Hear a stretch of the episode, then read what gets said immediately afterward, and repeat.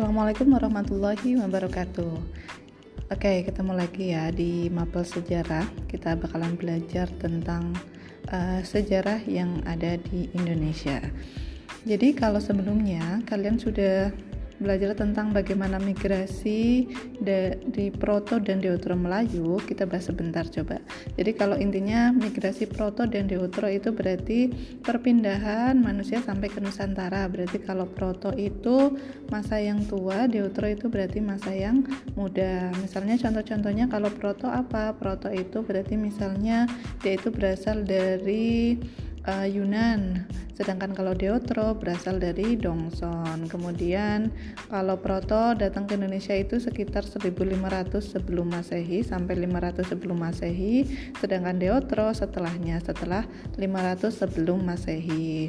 Kemudian ciri-cirinya lagi kalau Proto datang ke Indonesia itu melalui dua jalur jalur barat dan jalur timur. Sedangkan Deutro itu berarti melalui satu jalur yaitu jalur barat. Kemudian uh, kalau ada beberapa suku yang merupakan keturunan dari Proto Melayu misalnya contoh ada suku Papua, suku Nia, suku Dayak, suku Toraja sedangkan keturunan dari Deutro Melayu, suku yang merupakan keturunan dari Deutro Melayu itu ada suku Jawa, suku Minang, suku Makassar dan suku Bugis seperti itu gitu ya. Jadi intinya kalau Proto itu sekitar masa kehidupannya masa Neolitikum, sedangkan Deutro itu berarti masa perundagian. Jadi lebih jelasnya kalian boleh searching lagi ya. Jadi kali ini kita bakalan belajar tentang kehidupan manusia praaksara. Jadi kehidupan manusia praaksara itu dibagi menjadi empat. Ada Paleolitikum, Mesolitikum, Neolitikum, dan Perundagian. Jadi di sini harus diperhatikan bahwa namanya itu berarti Paleolitikum, bukan Paleozoikum. Jadi nanti biasanya itu ada dua yang mungkin bikin kalian bingung apa sih bedanya Paleolitikum dan Paleozoikum. Kalau kita akan membahas mengenai kehidupan praaksara berarti kita pakainya litikum. Paleo itu tua, litikum itu berarti kehidupan. Sedangkan kalau paleozoikum misalnya ya, itu berarti kita sedang membahas tentang perkembangan bumi. Jadi mungkin kalau perkembangan bumi itu bagaimana bumi itu sampai saat ini. Itu kan ada arkaikum, paleozoikum, mesozoikum, neozoikum. Sedangkan kalau kita bahasnya manusia, manusia itu muncul pada masa neozoikum. Berarti manusia praaksara itu muncul pada masa Neozoikum. Nah, kalau kita membahas tentang manusia praaksara berarti kita pakai jangan pakai zoikum tapi pakai litikum gitu ya. Jadi ada paleolitikum, mesolitikum, neolitikum dan perundagian. Seperti itu.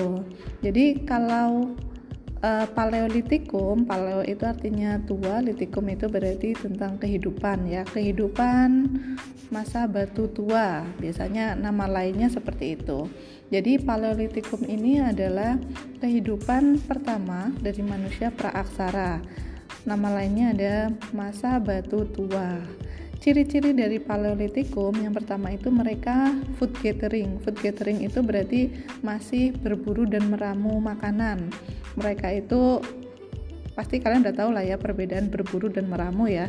Kalau berburu itu berarti e, mencari hewan pasti ya. Kalau meramu itu berarti mengumpulkan makanan meramu. Misalnya meramu mak e, buah-buahan seperti itu. Kalau berburu kan tidak mungkin berburu buah-buahan gitu ya. Jadi food gathering itu berarti mereka masih berburu meramu.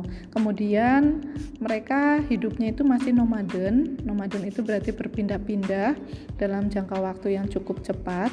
Kemudian mereka kelompok-kelompoknya itu masih kelompok kecil. Jadi mereka itu menganggap bahwa jika ada kelompok lain itu merupakan uh, ancaman bagi mereka. Begitu. Dan Paleolitikum ini masa Paleolitikum ini manusianya itu masih sangat bergantung kepada alam.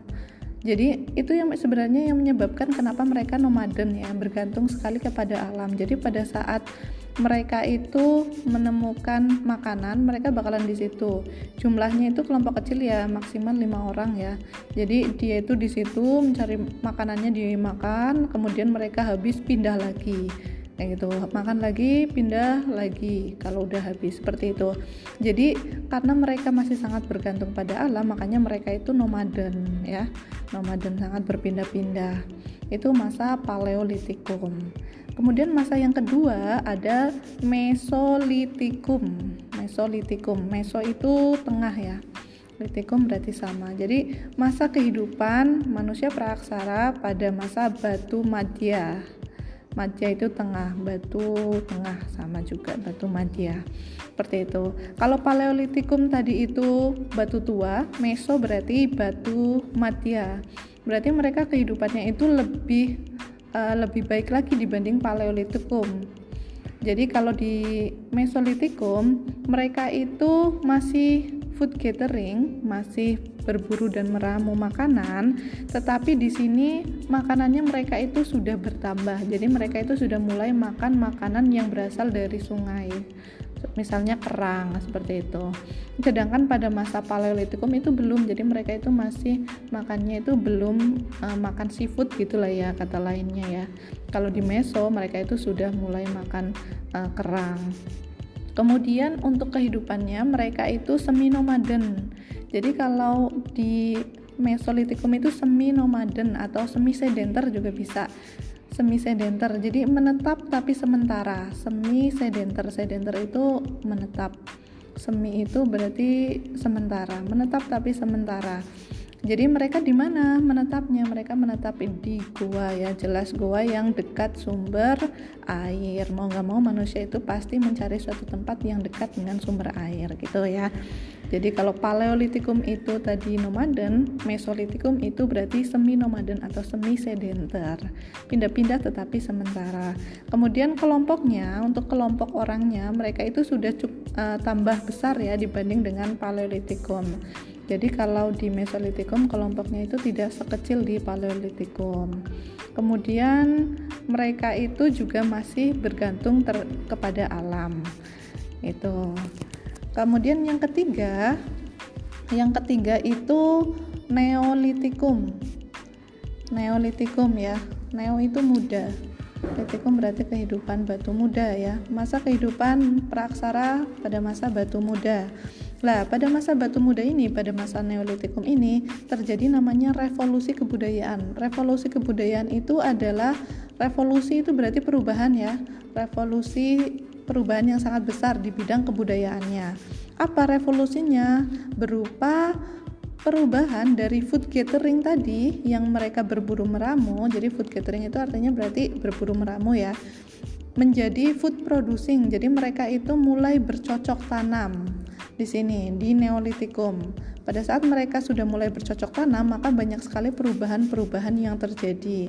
Jadi mereka di sini itu sudah sedenter, bukan lagi berpindah-pindah tapi sudah menetap. Sedenter itu menetap gitu ya. Kemudian apalagi perbedaannya? Mereka itu kelompoknya itu sudah mulai besar. Jadi sudah mulai membentuk suatu apa ya komunitas sederhana seperti itu.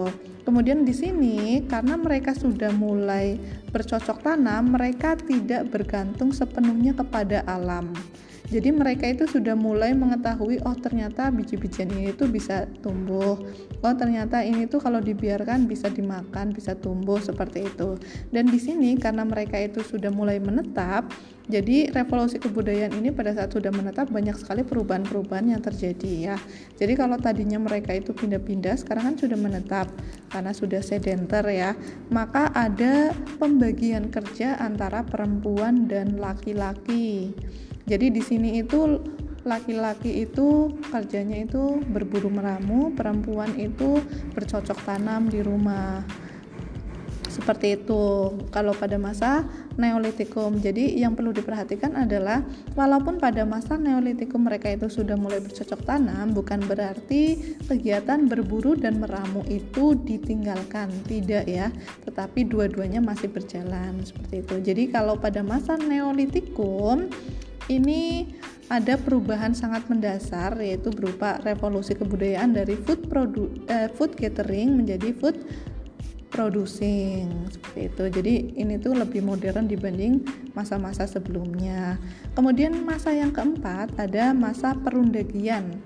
Masa perundagian itu berarti ada yang menyebutkan itu masa perundagian itu berasal dari kata undagi undagi itu berarti ahli orang yang ahli di bidangnya itu undagi misalnya undagi apa dia itu pintar bikin kapak dia itu pintar bikin apa bikin perabotan atau bikin manik-manik kayak gitu. Jadi undagi undagi itu kayak kalau sekarang itu ya misalnya oh dia itu tukang apa ini tukang apa seperti itu.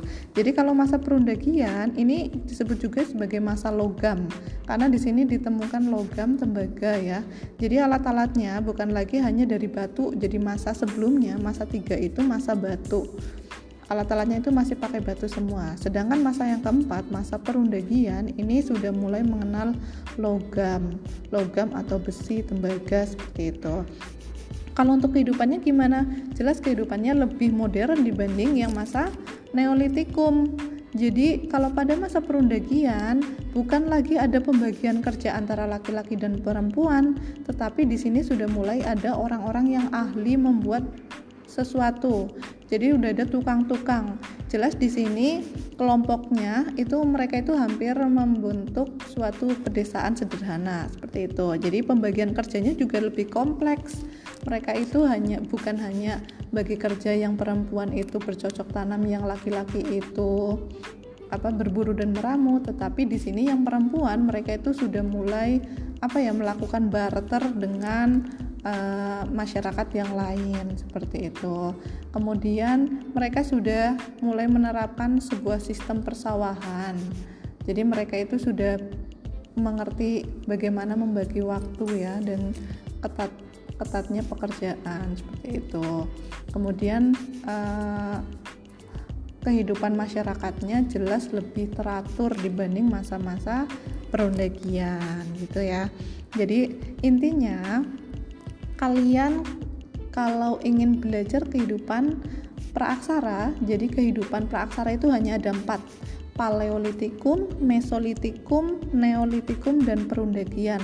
Kemudian biasanya ada tanya lagi, kemudian kok ada Megalitikum di mana? Megalitikum itu bukan kehidupan. Megalitikum itu adalah kebudayaan megalitikum nanti masuknya di kebudayaan, kebudayaan batu besar. Jadi kehidupan praaksara itu hanya empat, tidak ada megalitikum. Untuk pertemuan selanjutnya kita bakalan uh, belajar tentang kehidup, bukan lagi kehidupannya, tapi juga ininya ya apa uh, kebudayaannya seperti itu ya.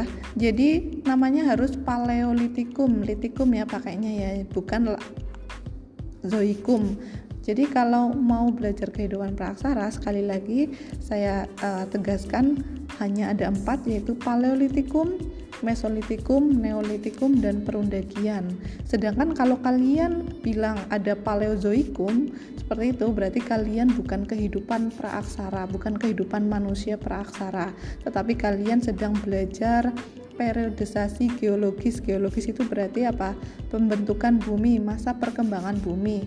Yang di situ itu ada arkaikum ya. Arkaikum itu di situ bumi itu masih dalam keadaan panas. Kemudian ada paleozoikum itu berarti bumi itu suhunya itu belum stabil. Biasanya di sini kalau hewan-hewan yang ada itu adalah makhluk bersel satu. Kalau tumbuhan yang ada di sini berarti lumut. Kemudian ada mesozoikum itu suhunya juga belum stabil. Hewan-hewannya di sini itu udah mulai hewan-hewan besar ya. Jadi kayak ada reptil dinosaurus gitu itu muncul di mesozoikum lah kemudian ada Neozoikum. Neozoikum inilah muncul manusia praaksara seperti itu. Jadi Neozoikum itu aja dibagi menjadi dua ya, ada tersier dan kuarter. Tersier itu berarti munculnya kera, monyet. Kalau kuarter berarti udah mulai muncul ada manusia. Jadi uh, diingat ya, kalau kehidupan praaksara berarti pakainya litikum, paleolitikum, tidak pakai zoikum seperti itu dan hanya ada empat Paleolitikum, Mesolitikum, Neolitikum, dan Perundagian. Tidak ada Megalitikum. Megalitikum itu bukan kehidupan, tetapi dia adalah kebudayaan. Seperti itu ya.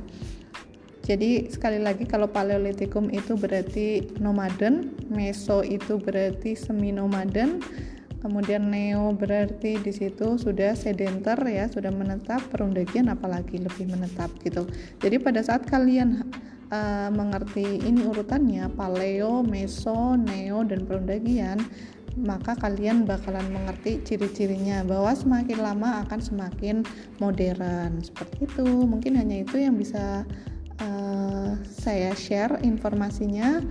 Semangat untuk terus mencari informasi baru. Selamat pagi. Wassalamualaikum warahmatullahi wabarakatuh